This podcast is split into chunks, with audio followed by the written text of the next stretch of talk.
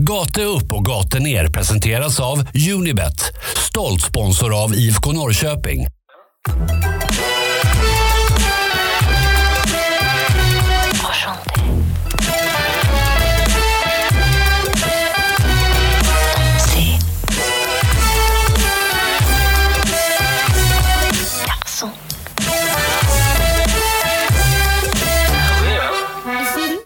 Det är helg återigen och vilket bättre sätt att fira detta än att lyssna på ett purfärskt gatu upp och gatu ner nummer 88 i ordningen med mig, Vincent Messenger och Pontus Hammarkvist som sig bör. Hur är läget Pontus? Ja, det är bra. Framtiden är ljus. Eh, som vi har pratat om länge. Men, eh, nej, men det är bara fint här och det är väl skönt att kunna kanske vakna upp i någon slags jag vet inte vad ni är för tillstånd där ute. Lite bakfulla, lite trött efter en jobbvecka, skolvecka, vad det än kan vara. Allmänt. Det är väl härligt att börja, börja helgen på bästa sätt helt enkelt. Det känns som att vi ganska ofta projicerar oss själva på våra lyssnare. Har du tänkt på det? Mm, jag vet. Det är otroligt. Jag tror, jag tror inte att majoriteten av våra lyssnare är bakfulla när de lyssnar på det här, till exempel. Nej, nog mycket väl rätt i det. Det är väl kanske någon slags att man hoppas att alla andra är som en själv bara. för, att, för att kunna för att på något sätt kunna fortsätta underhålla sitt skenande missbruk i några år till innan man inser att resten av världen har gått vidare. Ja, typ. men lite så. Det känns som att så här, hallå, kan inte vi alla bara vara på, på samma plats? Men det, vare sig ni är bakfulla eller inte så det är väl kul att ni väljer att lyssna på oss två dårar som ska prata fotboll i alla fall. Så, ja. Alla är välkomna. Ja, verkligen. verkligen absolut. Du, eh, det är Kalmar FF som stundar måndag kväll. Ja, då är det pilsner. Som ska mm. drickas. Fan. Det kan jag tänka mig. Du, då firar man in semester också. Inte för att folk kanske är så intresserade av mitt liv, men fan, fotboll, semester och pilsner. Va? När vi ändå pratar om ja, det. det det är inte dåligt Nej, faktiskt. Det unnar jag dig. Tack ska du ha min vän. Men du, eh, utöver semester och pilsner, vad, hur är din eh, känsla inför matchen mot Kalmar? Vad känner du när du ser Kalmar hemma på schemat? Förlåt att det snöar iväg, men eh, vad jag känner i förväg så är det vet, de här klassiska matcherna där vi vet så här, där ska vi ju vinna. Det ska inte bli några större problem. Nu har visserligen Kalmar gjort det bra i år. Jag var väldigt på det i början av säsongen, det gjorde man också förra året. Så här då. Men man har hållit sig kvar och man har ändå gjort eh, ser ganska bra ut. Så att eh, Henrik Rydström ska man nog inte räkna bort helt enkelt och hans mannar. Men eh, på förhand och så som jag lirat nu i alla fall, två av tre och kanske tre av tre matcher till och med, så har vi sett väldigt bra ut. Och nu tar vi vara på våra chanser och kan vi hitta tillbaka till någonstans där vi lirade mot Hammarby eh, och ta, ta vara på chanserna som vi gjorde mot Göteborg så är jag inte direkt jätteorolig i så fall. Men det gäller också att vi ska lira det här spelet ytterligare en gång. Så att, ja, vi får se, men känslorna känns som att det kommer gå bra på, på måndag och att vi kommer få fira in tre poäng. Det känns ju som att om Kalmar kommer till eh, parken och vill spela fotboll, vilket de lär vilja göra. Ja, då kommer de få det tufft. Och det blir en öppen matchbild. Då känns det som att kanske i den här matchen i ännu större utsträckning än i Hammarby-Norrköping, men att det kommer ske lite samma grej fast fördel Norrköping. Eh, som vi pratade om efter Hammarby-matchen där att Hammarby spetskvalitet på ett par spelare kanske gjorde skillnaden och det känns som att den kommer göra det för IFK också mot Kalmar, om du förstår vad jag menar. Ja, nej men eh, jag tror absolut det kommer vara väga över åt vår fördel om vi inte gör det redan ganska tidigt. Så att de, de vill lira boll, då ska de få det tufft. Och vill de lira boll, då ska vi nog fan kunna bjuda upp till, till dans också. Ja, det är väl någonstans förhoppningen. Jag tänkte på det när jag sa att Kalmar skulle komma till parken. En annan spontan grej med IFK Norrköping mot Kalmar efter att Falkenberg åkte ur allsvenskan, är det liksom fulaste arenanamnen i allsvenskan derbyt? GA, Guldfågeln Arena. GFA. Mot Platinum Cars. Kanske man säger till och med. Mot Platinum Cars. Ja, Platinum Cars är absolut inte det fulaste namnet ändå. jag tycker ändå den, den går att, ja, det, alltså så generellt med sponsornamn så blir det aldrig sådär jättenice liksom. Eh, då tycker jag ändå att Platinum väger in helt okej. Okay. Guldfågeln Arena, ja, finns det något värre i Allsvenskan? Nej, jag tror inte det.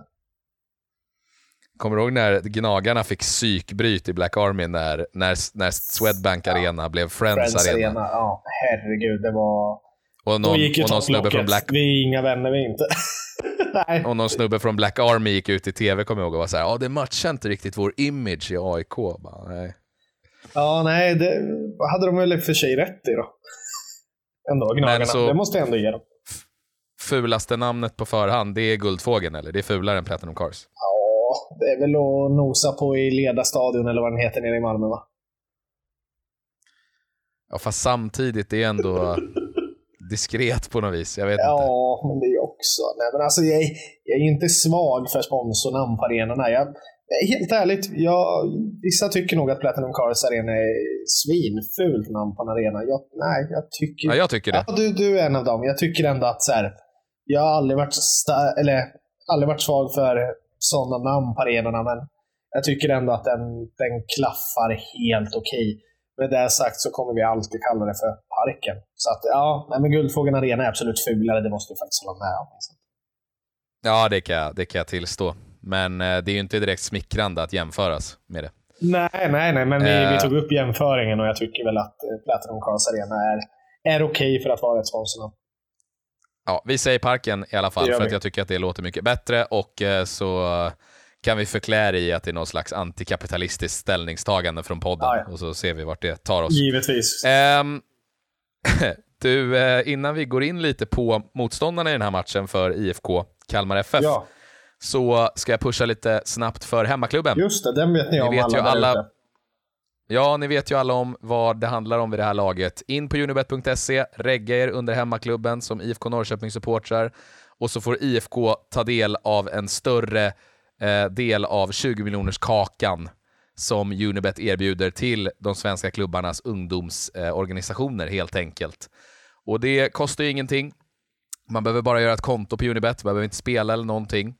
Och eh, så är det bara att gå in där och regga sig som IFK-supporter helt enkelt under fliken hemmaklubben. Men om man ska göra det så ska man veta att regler och villkor gäller, man måste vara över 18 år för att spela och om du upplever att du eller någon i din närhet har problem med spel så finns stödlinjen.se alltid öppen. Jajamän. Kalmar FF då? Mm. Eh, ett Kalmar som fick mycket beröm i början av säsongen och som nu har börjat få lite mer kritik. Ja, och det kan väl mycket De sitter stämma. någonstans i mitten av tabellen. Ja, alltså ska man kräva så mycket högre av ett Kalmar, eller? Nej, alltså det kan man väl inte göra. Så jag tycker det är konstigt att ge dem så... kritik, även om de har gjort en bra start. Och jag tycker ändå man har hållit i det kontra förra året, där man liksom rasade i tabellen fullkomligt. När man ändå var en bra bit upp i toppen efter 6, 7, 8 omgångar och sen bara började torska typ 10 matcher i rad. Jag tycker ändå man, man står upp någonstans lite bättre i år i alla fall. Det känns som att man är på väg framåt åtminstone och göra någonting av det. Ja, nej men eh, det, de ligger väl på en ganska, alltså om Kalmar slutar sjua så är det fullt godkänt ju. Det måste det ju verkligen men, eh, vara. man har ju mött lite svårare lag här på sistone, men det är väl just sättet man har spelat i de matcherna som eh, har givit dem lite kritik, just att eh, Rydström tror ju på sin spelidé och att man eh, det har känts som att man eh, till idiotin har bankat in att man ska spela kort och man ska spela på ett visst sätt och så att man nästan väljer att vaska matcher för att på något vis hålla sig till sin idé. Ja, alltså jag tycker ändå, jag måste ändå ge honom cred för att han fortsätter köra på det här spåret och den tror på att någonstans så förstår han att han inte kommer vinna 30 matcher på det och det gör väl inget lag, men framförallt inte Kalmar FF.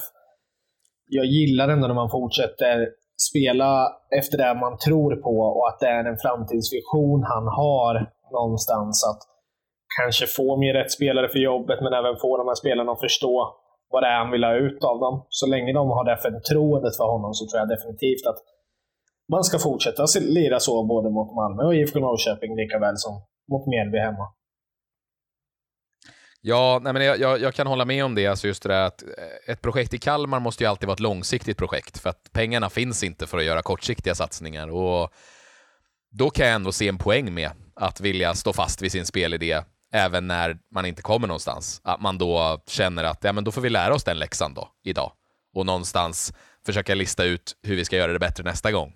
Uh, för jag tror att för en förening som, som Kalmar, där det nästan konstant är röda siffror i bokföringen och där man inte har så mycket att jobba med som tränare, då måste man ge tränaren utrymme att kunna eh, liksom experimentera och någonstans tro på sin eh, vision eh, med att liksom kunna utveckla de spelarna man har och få ut maxade i materialet på sikt. Kanske inte direkt, utan liksom kanske nästa säsong. Mycket, mycket, det, det, eller... mycket det jag är inne på som sagt. Va? Du, du behöver inte få utdelning i år och Eventuellt kanske inte nästa år, utan det är längre och långsiktig planering man har i det. Så att jag, eh, så länge det inte går fullständigt åt helvete och spelarna inte tappar förtroendet så tycker jag definitivt att man ska fortsätta på det, både inom ledningen och eh, även hos tränarna. Fortsätta bara tro på det man gör så kommer det nog lossna mer eller mindre till slut. Ja, nej men och det har ju som sagt gått lite tuffare. Alltså ända efter en ganska bra inledning med många kryss i och för sig, men eh, nästan inga förluster ju under våren, så har det ju gått lite tuffare efter sommaruppehållet. Man har ett oavgjort och sen hade man tre raka torsk tills man nu vann då mot eh, krislaget Mjällby, som ju sparkade eh, sin tränare Christian Järdler efter den matchen. Just det, och assisterande till och med. Ja, Alf Westerberg. Ja. Och eh, där lyckas man då ta en 1-0-vinst, men de övergripande intrycken från de här fem matcherna som har spelats efter sommaruppehållet har ju varit just att och man har mött bra lag. Man har mött Varberg borta 1-1. Man mötte Häcken hemma, förlorade 3-2. Man mötte AIK borta, förlorade 2-0. Och man mötte Djurgården hemma och förlorade 1-0. Eh, det som har varit kritiken har väl varit att Kalmar har varit väldigt bra på att hålla i bollen och har sett väldigt bra ut när man har sett dem spela. Men att de helt saknar gift. De kommer ingenstans framåt. Det, det skapas ingenting, utan man är väldigt duktiga på att trilla boll sådär. Men man har inte liksom spetsen för att kunna någonstans avgöra matcherna. Och det kan man ju till viss del kanske känna igen lite hos IFK Norrköping. Kanske inte riktigt så grovt, men men liknande problem har ju funnits den här säsongen i IFK. Ja, absolut. Det har ju funnits. Gud ja. Utan problem, men eh, ja. Vi får väl se helt enkelt. Eh, hoppas att de vågar ställa ut i samma spel eh, som de har gjort tidigare, för att då kommer vi bli mycket tyngre ändå. Så är det bara. Ja, och det är ju ett Kalmar som under Rydström har visat upp ganska mycket taktisk flexibilitet. De byter ju formation eh, relativt ofta baserat på motstånd och sen antar jag då att man har vissa filosofier som man försöker stå för då, oavsett spelsystem. Eh, men eh, mot Djurgården till exempel spelade man en, en 4-4-2 i en diamant. Så en, eh, en 4-1-2-1-2 om man vill kalla det det. Eh, Medan nu senast då när man mötte ett lag som Mjällby som spelar med en treback som ju IFK gör, eh, så ställde man ju själva upp med en treback och matchade, som man ju ofta gör då när man möter ett lag som använder sig av wingbacks.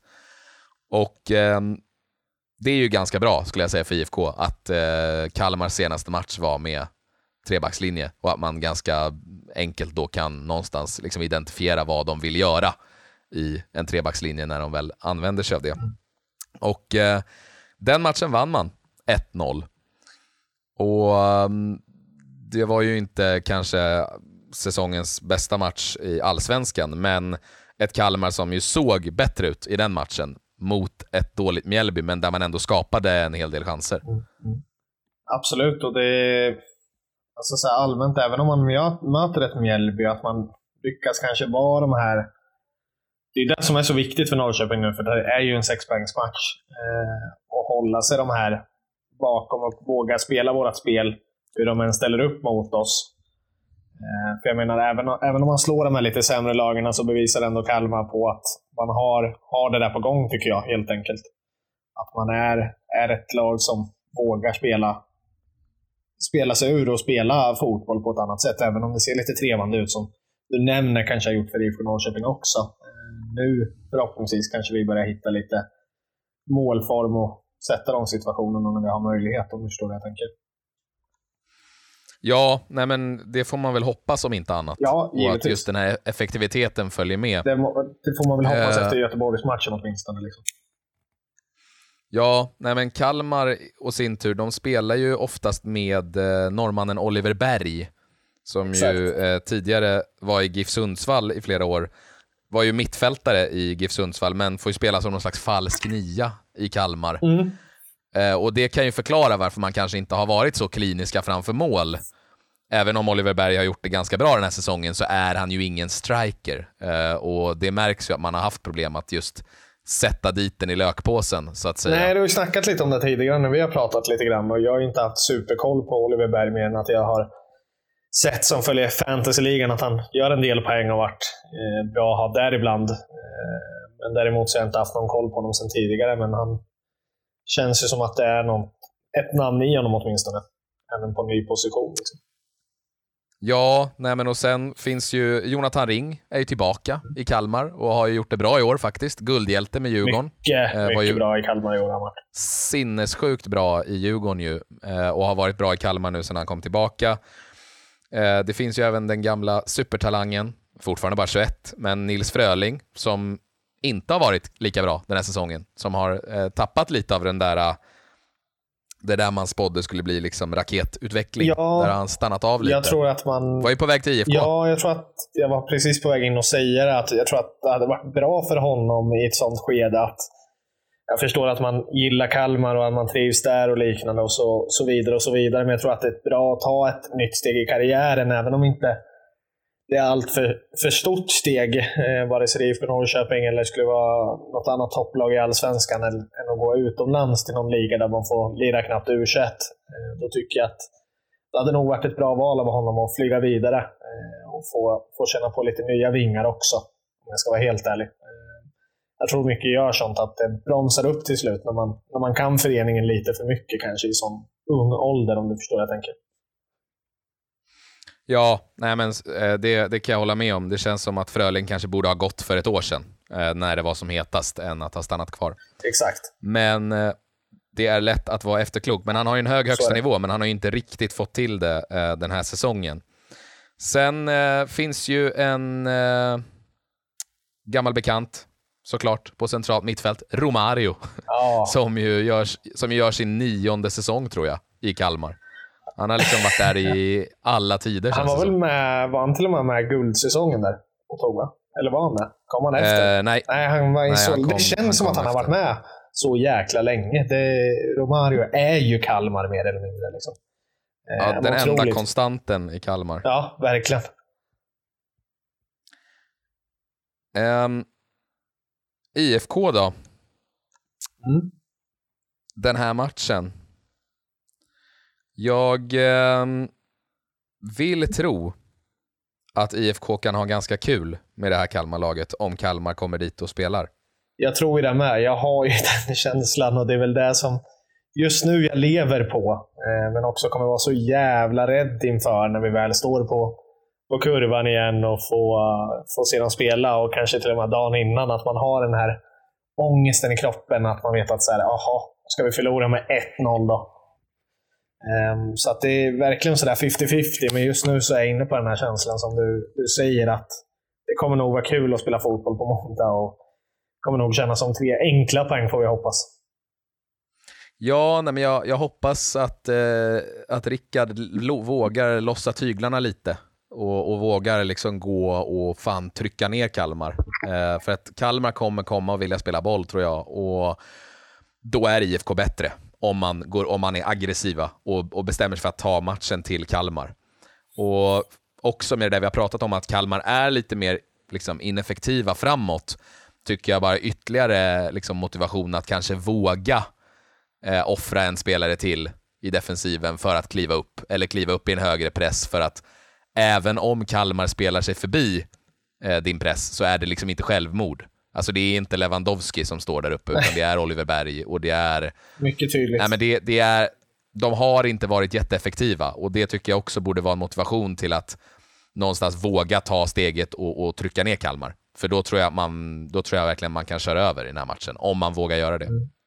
Återstår väl att se nu väl eh, Norling, den här försvarsgeneralen, så att eh, hoppas att även han vågar gå ut och trycka ner, trycka ner sina motståndare. Eh, lite svårt att se att vi kanske kommer göra det ändå just med Norling vid rodret, men är det någon gång vi kanske ska ta den chansen så är det väl nu och visa att vi, vi kan lira boll även mot de här så kallade sämre lagen som åtminstone är det, ska vara det på pappret. Ja, nej men, eh, jag tänkte på det eh, om vi knyter tillbaka lite till den förra matchen mot IFK Göteborg. Eh, så var det ju faktiskt så att i vårt förra avsnitt så eh, glömde vi att gå igenom våra tre stjärnor. Ja, det stämmer. Det gjorde vi eh, faktiskt. Och eh, jag tänker väl att vi kan göra det bara lite snabbt i det här avsnittet istället, för att jag vill prata lite om, eh, om några av de spelarna som är, som är med där. Mm, mm, exakt. Så en stjärna mm. i matchen ger vi ju till, gav vi ju till Viktor Agardius efter sitt mål. Mm. Trots hans klumpighet i eget straffområde, som jag var irriterad över, så fick han det. Tycker han förtjänade efter sitt första allsvenska mål i IFK. Ja, kommer han spela wingback i den här matchen, tror du? Eller kommer han kliva tillbaka in i, i mittlåset? Jag tror nog att han kliver ner igen. Va? Eh, framförallt om han vill vara lite mer framåt-tunga. Eh, även om Agardis är mål den här matchen och ser, ser ut att hitta fina kombinationer så tror jag nog att man väljer att kanske spela med Skulason där istället. Eh, eventuellt. Eh, jag har ju en Telo som kan vara väldigt duktig framåt också.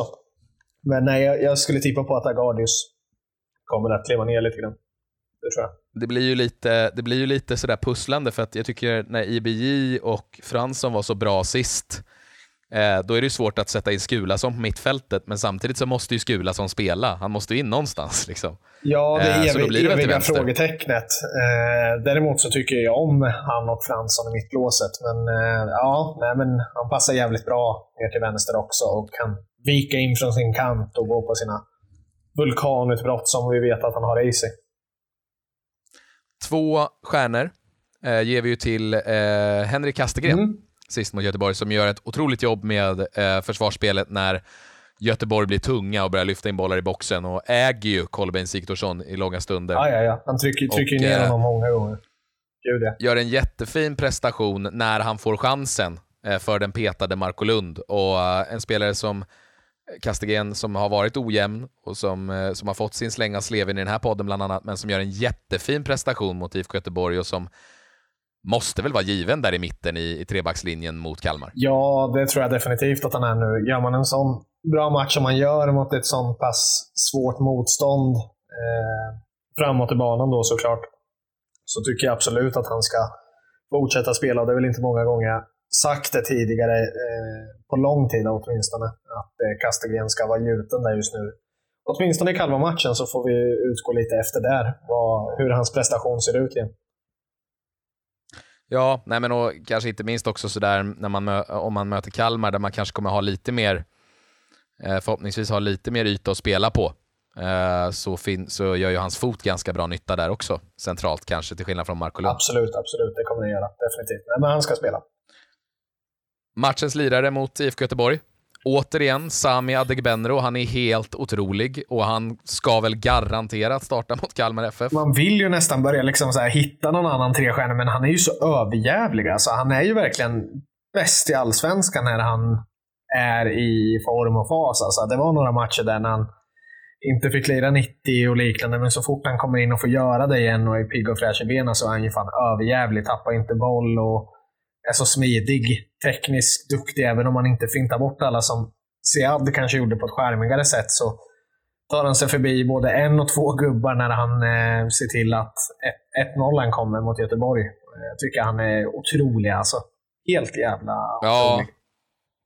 Bäst i allsvenskan vet jag inte, men han är ju, ja. han är ju med i den kategorin i de, bland de här femstjärniga spelarna. Ja, liksom. det är han definitivt. Han är där med de grabbarna i alla fall, utan problem. Absolut. Han har varit helt otrolig. Verkligen varit en revelation här senaste matchen och man undrar ju vad fan det var som hände i Norlings huvud när han inte fick spela här i början efter, efter sommaruppehållet. Och killen ska ha kommit för typ drygt en miljon kronor ryktas det om. Vilken jävla investering ja, alltså. Det är fan vilken helt jävla sjukt, investering. Alltså. Det är verkligen, verkligen, helt jävla otroligt. Ja, nej, men verkligen. Det får man ju, det får man ju lov att säga. Eh, annars, det känns väl som att man borde få, om man bortser då från Agardius kanske kliver ner i backlinjen då och byter plats med Skula helt enkelt. Men utöver det så ser vi väl inte så mycket förändringar i startelvan. Man fortsätter väl på ett vinnande recept? Ja, eller? men det tror jag. Det känns som att Norling har gillat det förut och det känns som att vi, han gillar att sätta en eh, startelva som man såklart kan ändra lite på efter behov och liknande. Men eh, ja, nej, jag ser nog inga större ändringar i det här. Nej, men ett bollskickligt mittfält med IBJ och Fransson, med lite dynamik i framförallt IBJs ben och bollskickliga eh, liksom anfallsspelare på varsin sida i, i Adegbenro och Kristoffer eh, Cassini tror jag kan göra en jättebra match här faktiskt mot Kalmar. Och jag tycker han ser bättre och bättre ut fortfarande när han får spela. Och sen en Kalle Björk som är så jobbig som han är och liksom sträcker ut laget och går i djupet. Och, han går i djupet hela tiden. Han är verkligen ett ständigt hot som man ska ha ögonen på hela tiden. Så att nej, absolut. Ja, men och framförallt om Kalmar kommer och ska ta matchen till IFK, som vi ändå tror att de ska göra, så kommer nog Kalle få mer yta att jobba det på. Det kommer han absolut och då är det bara att hoppas att han, har, att han har fått mer självförtroende efter det där målet och kan eh, fortsätta sin fina form. Absolut, absolut utöver Kalmar, eh, som ju stundar nu på måndag, så är det ju ett lite lättare schema som väntar framöver. Ja, jo, på pappret är det ju det. Absolut. Augusti ska ju vara en härlig månad. Mm, nej, men man har ju Kalmar hemma nu och sen åker man upp till Jämtkraft och möter Östersund. Sen är det Svenska Kuppen mot Värmboll borta. Ja, vad charmigt det ska bli. Alltså, hoppas att man får åka dit också. Halmstad BK borta i allsvenskan. Sen är det Östersund hemma. Eh, och sen efter det då så stundar Malmö FF borta. Men sen även efter det så kommer Örebro hemma, Sirius borta, Varberg hemma. Alltså, luktar det inte lite, lite kaffekaka, fem raka? Fem raka, ja. Absolut. Ja, du pratar ju mer än fem matcher nu, va? Till och med. Ja, men, ja, men det är det jag menar. Malmö borta, absolut. Eh, men alltså, jag menar, säg då om vi ska ta fem raka och så tar vi de här två Örebro och Varberg. Alltså om... Det är det jag menar att det är ju så inte Norrköping att ta liksom sju av åtta matcher. Eh, men visst, gör vi det, då är vi definitivt med upp i toppen. Det finns ju inget att snacka om. Men det är, det är också, Nej, det är också ett måste att göra för att vi vi ska vara där. Liksom. Och det, det, är lite det alla lag behöver göra. Man behöver vinna de där sju matcherna nästan i rad, mer eller mindre. För att hänga på och kanske till och med utmana om ett guld. Då. Det kommer vi inte göra i år, för det har jag redan gett upp och fortsatt ha gjort. Men däremot om vi tar alla de matcherna, ja, då kanske man börjar ändra uppfattningen där. Ja, nej men, och, och, jag tror att, som vi pratade om tidigare, när, vi, när eh, du begravde dig lite efter Hammarby-matchen där och var så här, säsongen är över, du vet att ja, det är inget, man behöver inte hoppas på någonting nu, utan allt är en bonus och så vidare. Eh, och att vi då liksom försökte ha någon seriös spin på det i att ja, men pressen kanske försvinner lite från laget när de känner att ja, men när de kanske känner lite tydligare att så här, vi är inte riktigt där och vi, vi, vi liksom har inte riktigt hittat rätt och det här är nog trots allt vad vi misstänkte, ett uppbyggnadsår. Att den känslan, om den infinner sig samtidigt som man nu då slår Göteborg borta och får den liksom starka vinsten inför det här lite enklare schemat, med den känslan, om den infinner sig bara till 5-10 procent att pressen går av lite, både hos ledare och spelare, så känns det ju som att det här liksom, säsongen är över kanske är det som borgar för att säsongen gör en comeback. Förstår du vad jag menar? Då? Ja, kanske. Det är, det är det jag menar. Alltså, om vi nu gör det, jag hoppas kanske att vi har rätt i den teorin att det kan, kan bli någon slags comeback nu, att man tar fem raka exempelvis. Ja, det blir ju sex raka då med Göteborg inräknat så är vi absolut, som jag sa tidigare, med. Men det gäller också att vi ska göra, om vi ska spela de här fem matcherna till att börja med och faktiskt ta, plockar vi in 15 poäng då så är det väldigt mycket poäng liksom, att hämta in redan där. Men det gäller också att vi ska göra det någonstans och det tror jag är tufft och jag tror att det är höga krav, men det kommer ju vara jobbigt inför varje match nu för att vi kommer känna att så här, men det här ska vi vinna. Och så har vi Östersund gånger två där, där vi bara ska ta sex poäng. Och så har vi Varberg strax efter det, eller vad du sa, Örebro och liknande. Så att jag menar, det är många sådana lag som man kommer tycka på pappret att det här vinner vi och så gör vi kanske inte riktigt ändå. Nej, men samtidigt måste man ju, oavsett hur mycket man vill tycka att här, IFK är IFK och man lever på gamla minnen och sådär av, av fuck-ups mot enklare motstånd, så måste man någonstans ändå kunna titta på pappret och säga att det här känns ganska bra. Ja, ja, men det, Framförallt med den, här, med den här vinsten mot Göteborg i bagaget nu. Det känns bra med lagmässigt, de lagen vi ska möta, definitivt. Men jag lever lite på det för att man har gjort det under hela, hela sitt liv, tänkte jag säga, mer eller mindre. Och då uh, står vi där och stampar igen. Eh, jag tror att vi kommer ta en mina eller två på de här matcherna, tyvärr. Även om vi kanske inte förlorar två matcher så tror jag att vi kommer tappa poäng och torska någon match. Men uh, jag ja. hoppas jag har fel och uh, som du säger, på pappret ser det absolut bra ut. Vad fan, du ska inte gå runt och vara besviken över att ha ett enklare spelschema. Nej, och första matchen som stundar då, Eh, är ju på måndag mot Kalmar FF och eh, vi har ju rekat ett par spel till den matchen. Ja, det har vi, det stämmer. Och eh, de två spelen som vi har rekat på unibet.se är baserat på att vi tror att IFK kommer ta matchen till Kalmar och Kalmar kommer ta matchen till IFK, vilket kommer sluta med att IFKs kvalitet lyser igenom och att de spöar Kalmar helt enkelt. Så vårt första spel, det är att IFK vinner rakt och det är ganska schyssta odds på det faktiskt just nu när vi spelar in. Så det tycker jag absolut man ska ta sig en kik på. Eh, och ett annat spel eh, som vi då kompletterar det här med är att IFK gör första målet. Eh, jag tror att Kalmar kommer gå ut och ändå ha självförtroende och kunna åka på en tidig snyting när de inte riktigt är med på Cassini och Adegbenros bolltrollande med Björks djupledsspel. Det känns som att det kan dyka upp ett par situationer och Sami behöver inte många förrän det ska smälla. Nej, han behöver eventuellt kanske bara ett, så att eh, absolut. Det, nya effektiva Norrköping. Ja, nu jävlar är vi igång. Eh, nej men, eh, så det är det vi tror på. Man kan spela på dem som singlar eller så kan man kombinera dem som en dubbel om man vill göra det. Och eh, om man vill backa det här, då går man alltså in på unibet.se och då ska man veta att regler och villkor gäller. Man måste vara över 18 år för att spela. Och om du upplever att du eller någon i din närhet har problem med spel så finns stödlinjen.se alltid öppen. Jajamän. Eh, ha lite sådana här bits and pieces innan vi avslutar eh, podden. Mm. Exakt. Det första som jag tänkte ta upp med dig, eh, jag tänkte ta det i, eh, i eh, avsnittet i veckan, men eh, vi, vi glömde bort det också, eller vi struntade väl i det och sköt upp det lite till, till helgen. Yes. få lite mer perspektiv på saker och ting. Jag vet inte, har du lyssnat på Studio Allsvenskans intervju med Peter Hult. Det ständiga tjatet om Studio Allsvenskan Skämt åsido. Jag har faktiskt inte... Jag har jobbat så pass mycket och jag har inte hunnit lyssna på någon av de här intervjuerna som jag har pratat om. Det har inte funnits det tillfället, så det är bra att du har gjort det. Mm, ja, men, jag, men jag har läst lite om faktiskt. att det har många som har gjort det i alla fall.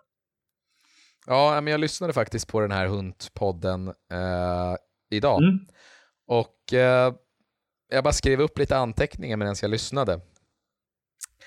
Det första är så här, mitt overall intryck av den här intervjun, det är ju att Studio Allsvenskan är väl lite så här, de drar ju någon grej i början, att det är så här, vi tyckte det var viktigt att Peter fick dela med sig av sin historia, men eh, allt han säger är ju inte en objektiv sanning, men det är hans sanning och han förtjänar att få berätta den, typ. För vi tror på människan här i Studio Allsvenskan. Ni tror på rubriker. Eh, sen, alltså så här, den grejen tyckte jag bara var lite så här lökig. Eh, sen ska sägas dock att de enligt dem själva har gjort faktiskt ett gediget journalistiskt arbete i att de har hört av sig till eh, personer som Peter Hund nämner i den här intervjun och frågat om de vill ge en replik. Mm. Och det är bra, mm. för det tycker jag man ska göra. Om man, om man ger plattformen till någon att någonstans få ha, ha liksom sitt sanningsmoment så måste man kunna ge folk en möjlighet att bemöta mm. det i samma forum. Ja, så det tycker jag var bra. Mm. Mycket bra. Eh, jag tycker att det finns något problematiskt i den här intervjun i att det är Peter Hunt själv som har hört av sig till Studio Allsvenskan och frågat om han, oh, om han får eh, prata ut om de här grejerna. Och att man märker ganska tydligt i inledningen att han nämner någonting eh, om, eh, jag kommer inte ihåg vad det är, om det är Gedda eller Jens Magnusson eller vad fan det nu är. Och då säger han så här, ja men, det, ja, men det, det kommer vi prata om lite senare. Ja, och det, det tyder på att han liksom någonstans har kommit med, förberedd ja. med liksom en, en dagordning helt enkelt för vad han vill få sagt. Ja, han har ju ett körschema där han, vill, där han vill prata om. Han har ju bett om det själv och det känns ju väldigt lökigt om du frågar mig. Ja, och det lyser ju igenom för att jag tycker att eh, Marcus Birro gör en ganska, ett ganska bra jobb och ställa lite kritiska frågor. Men att eh, det finns, jag tror säkert att sanningen ligger någonstans mitt emellan. Jag tror att Peter säkert tar upp vissa saker i den här podden som stämmer, som inte har tagits upp från den andra sidan. Så är det, absolut. Men, det är klart. Men jag, men jag kan inte låta bli heller att känna att hela samtalet genomsyras ju av en eh, total, liksom, väldigt Peter Huntig känsla av att han inte har gjort någonting fel. Och att, att liksom på något vis att så här, nu ska jag komma till er och berätta sanningen här. Det, det finns liksom inte ett uns av ödmjukhet. Och det tycker jag gör hans historia mindre trovärdig. Mm, nej, men jag för förstår vad du menar. Självinsikten är ju lika med noll. Ja, nej, men det enda han säger egentligen är så här, jo men jag kan erkänna att man gör inte allt perfekt. Nej. Man har säkert trampat någon på tårna. Du vet, när man börjar dra sig med sådana här vaga förklaringar, mm. då blir min känsla att man säger det bara för att det är det man, alltså man tror att folk förväntar sig att du ska säga, ja. men ingenting du menar på riktigt. Nej, nej. Uh, och, det, och då tycker jag att hela intervjun sätts i ett problematiskt uh, ljus i att jag har svårt att lita på någonting Peter säger, för jag känner inte att han är genuin från början. Uh, även om han säkert talar sanning om vissa saker.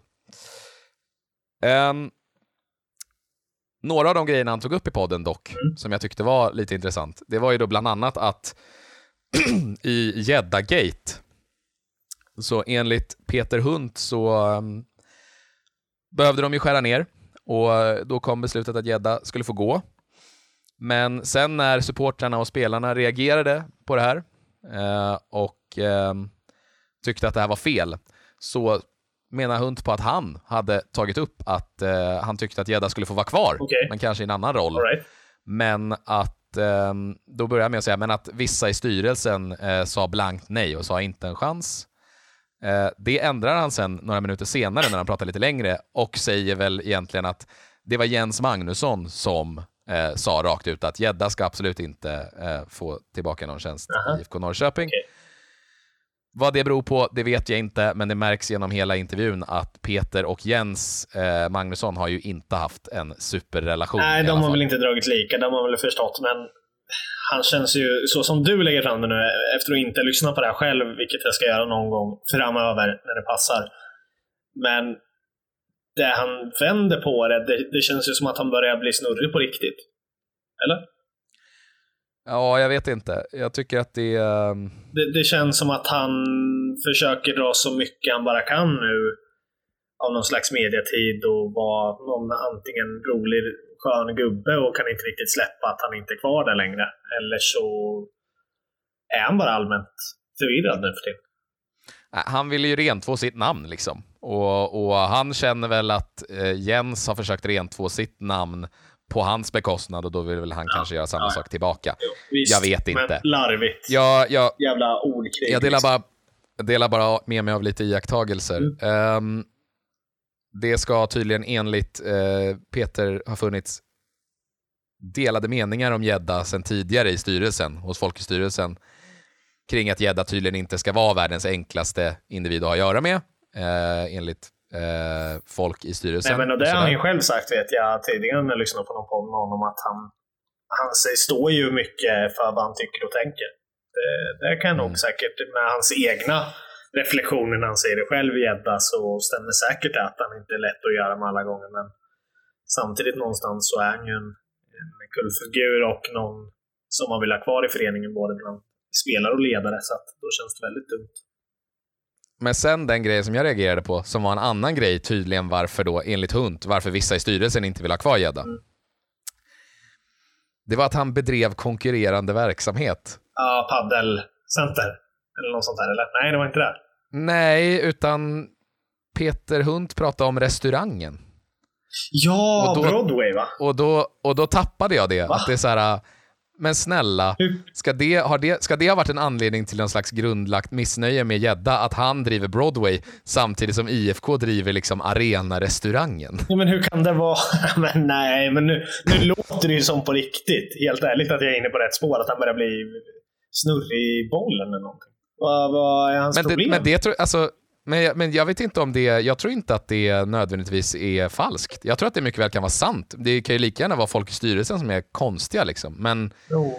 Jag, jag tycker bara att det, det är en otro... För jag menar, Hunt menar ju att han alltid, alltså att han har tyckt om gädda och inte haft något problem med det, men att andra i styrelsen har haft åsikter kring det här att då gädda är involverad i Broadway och att det är konkurrerande verksamhet till IFK Norrköping och jag tyckte det var det larvigaste ja, Det låter ju extremt puckat om jag ska vara helt ärlig.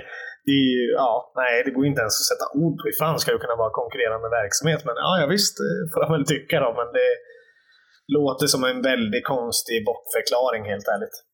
Att man försöker var snurra, väldigt- snurra iväg det här och nej, det gör man inte. Ja, Bara, det var väldigt, väldigt lustigt tyckte jag. Att, att, att någon skulle titta på det där och tycka att liksom Arena-restaurangen har samma målgrupp som Broadway. Liksom, på något det har de inte kan jag tala om för dig. Jag har varit nere på Broadway en hel del i mina dagar. Ja. På tal om pilsner och liknande. Men eh, nej, det är väl verkligen inte en konkurrerande verksamhet och eh, samma målgrupp vet i tusan alltså. Nej, eh, utöver det så berättade Peter Hunt att man hade genomfört en liten enkät hos spelarna efter säsongen. Där spelarna var väldigt nöjda med Jens Gustafsson då. Men att återkommande var att många ville ha en ny röst, kanske någon ny assisterande eller någonting sånt, att få in någonting lite mer fräscha upp lite. Och eh, då ska man ha kommit fram till att budgeten helt enkelt inte fanns för att ta in en extra assisterande eller någon extra tränare. Och att eh, då ska eh, i en diskussion med eh, styrelsen ska man ha kommit fram till att man skulle kunna byta ut någon av de assisterande tränarna till exempel då och få in någon annan. Och med den pretensen så gick man till Jens och erbjöd Jens Gustafsson en förlängning på sitt kontrakt. Okej. Eh, men där man då nämnde det här med att ja, men då kanske vi kommer titta på att eh, byta ut eh, då Kim Hellberg var det ju då som var, som var uppe för diskussion. Och eh, då ska Jens ha tänkt igenom det och eh, faktiskt då tackat nej till förlängningen eh, om Kim Hellbergs framtid var på spel. Så att eh, Jens, enligt eh, Peter, så var Jens väldigt lojal helt Det enkelt. måste jag ju sin, verkligen säga. Mot, det sin, känns ju mycket väl dumt att ljuga om. Och stämmer det mot sin stab. Ja, det måste jag ju verkligen hylla Jens för i så fall. Det är inte mycket vi har hyllat honom för, men jag tycker han är fortfarande en fin människa och det visar han väl prov på där i så fall. Fantastiskt. Mm, nej, men det var lite intressant och, och Hunt eh, respekterade Jens väldigt mycket för det, helt enkelt. Att man eh, eh, någonstans skyddar sina egna och så vidare. Absolut. Eh, och eh, Hunt avslöjade även att han erbjöd Jens rollen som sportchef. Mm, men det eh, ju, har ju varit på tal sen tidigare lite grann, har man ju hört av Mm. Jens själv. Ja, han, bekräf han bekräftade det i alla fall, och, eh, men att Jens då tackade nej eh, för att han var inte klar med sin tränarkarriär. Exakt. Nej, och det är synd tror jag, för Eh. där tror jag att han hade kunnat gjort ett eh, magnifikt jobb. Ja, nej men och det var väl några sådana här små nuggets. Eh, Det var även lite snack om Haksabanovic-affären och det där bråket när Hult kallade Haksabanovic för bränd Just och en det! Det har loser. jag fan glömt bort till och med. Helt otroligt. Eh, På fyllan, efter ett par virrepinnar. Just det, som vi snackade om. Ja, han, var väldigt, han var väldigt irriterad på gnällbänken också tyckte att det hade skrivits förtal om honom på Ja, internet. men snälla. Att, att han ens går in och läser gnällbänken, då hörs jag att han är virrig. Det vet väl alla sedan gammalt, att man inte går in och läser på gnällbänken längre. Man gör det för att få att han ut hade- lite utlopp i så fall. Jag tror nog kanske inte han har läst, jag tror säkert att folk har skickat saker till honom. Men, ja, eh, säkert. Men ja, visst.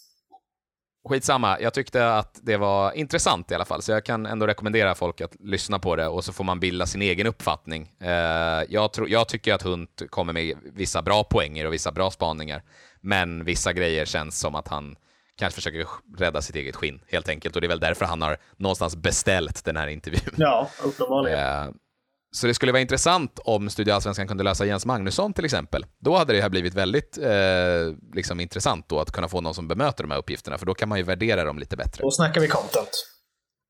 Verkligen. Du, eh, vi, fan vad vi trögar på här med tid. Mm. Eh, du behöver ju dra, men vi, vi har några små grejer vi måste ta upp bara Ja. innan vi rundar. Det är ju givetvis. Och ehm, det är ju nämligen så att vi eh, ska ju slänga upp fyra nya mittfältare Ja, att rösta mellan för att ta en plats på mittfältet i drömelvan. det stämmer mycket bra. Vi har ju fått in eh, mittfältare och det är mittfältare nummer två som ska in i gänget helt enkelt. Mm. Vill du presentera de fyra alternativen? Jag kan eh, absolut presentera dem. Några av de här är ju namn som man själv har sett på plats och hade en förkärlek till.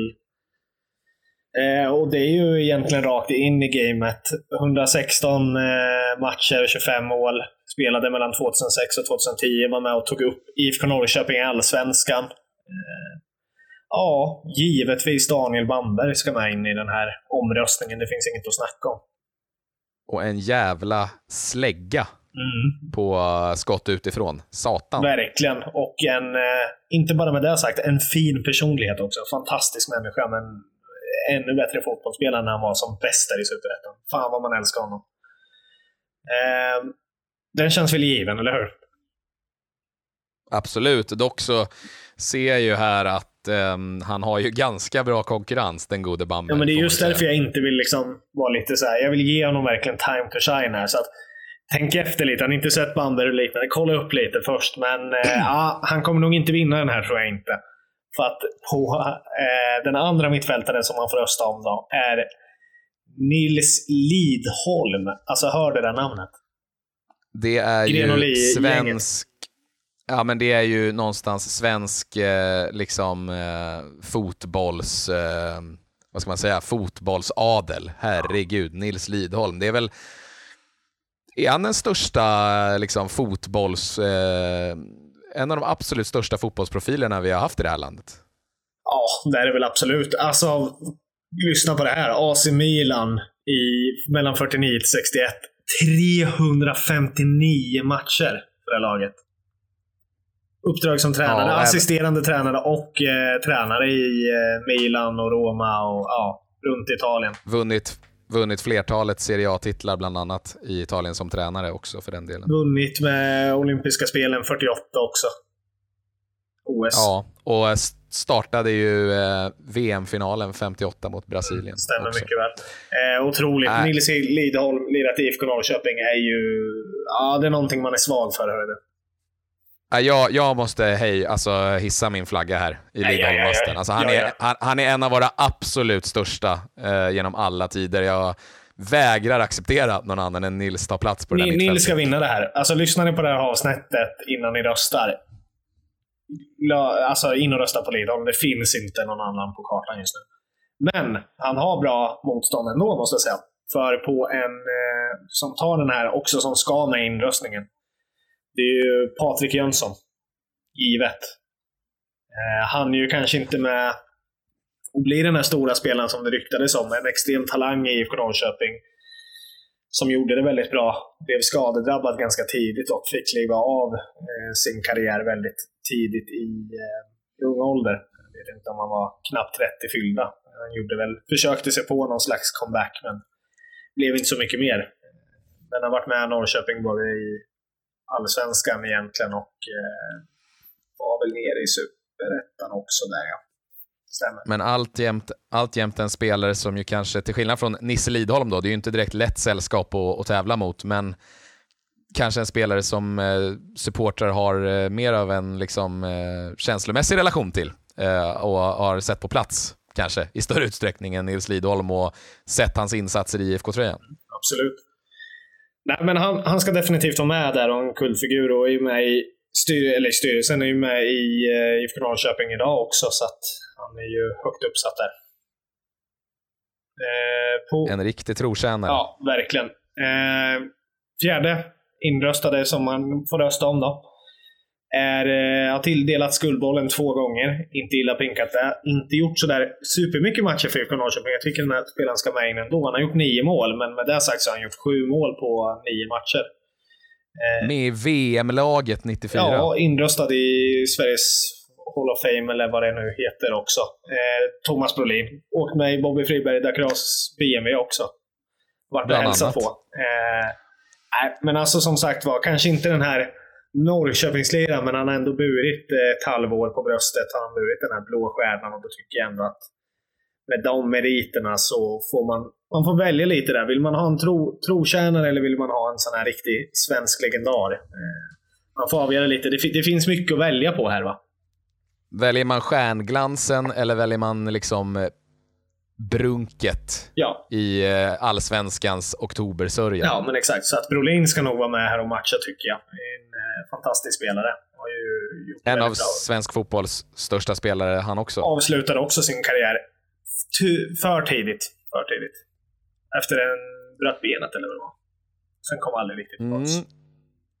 Så Bamberg, Lidholm, Jönsson eller Brollan ja. helt enkelt är det som gäller. Och det är en som kliver in på det där mittfältet, får en garanterad plats och en går ju till andra chansen där han kan slåss med bland annat då Åby Eriksson om den här äh, sista mittfältsplatsen Precis. på det här fyramannamittfältet. Stämmer, stämmer bra med den.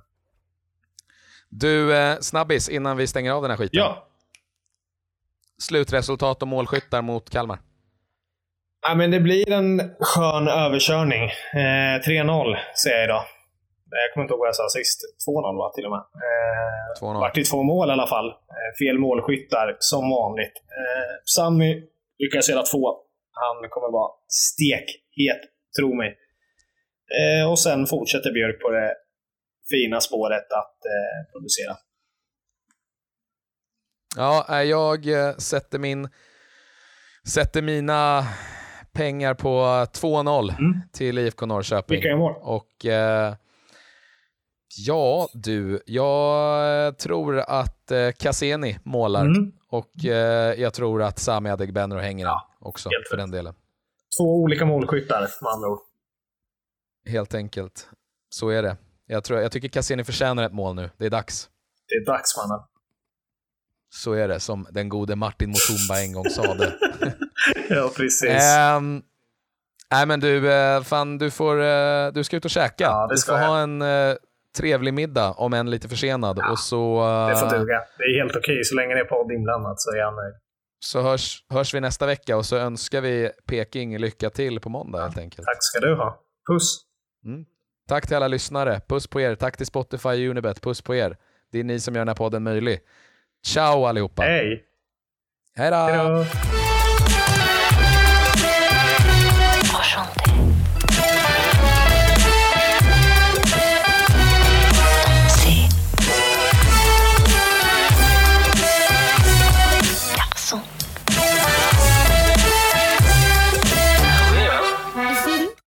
Den här podcasten presenterades av Unibet.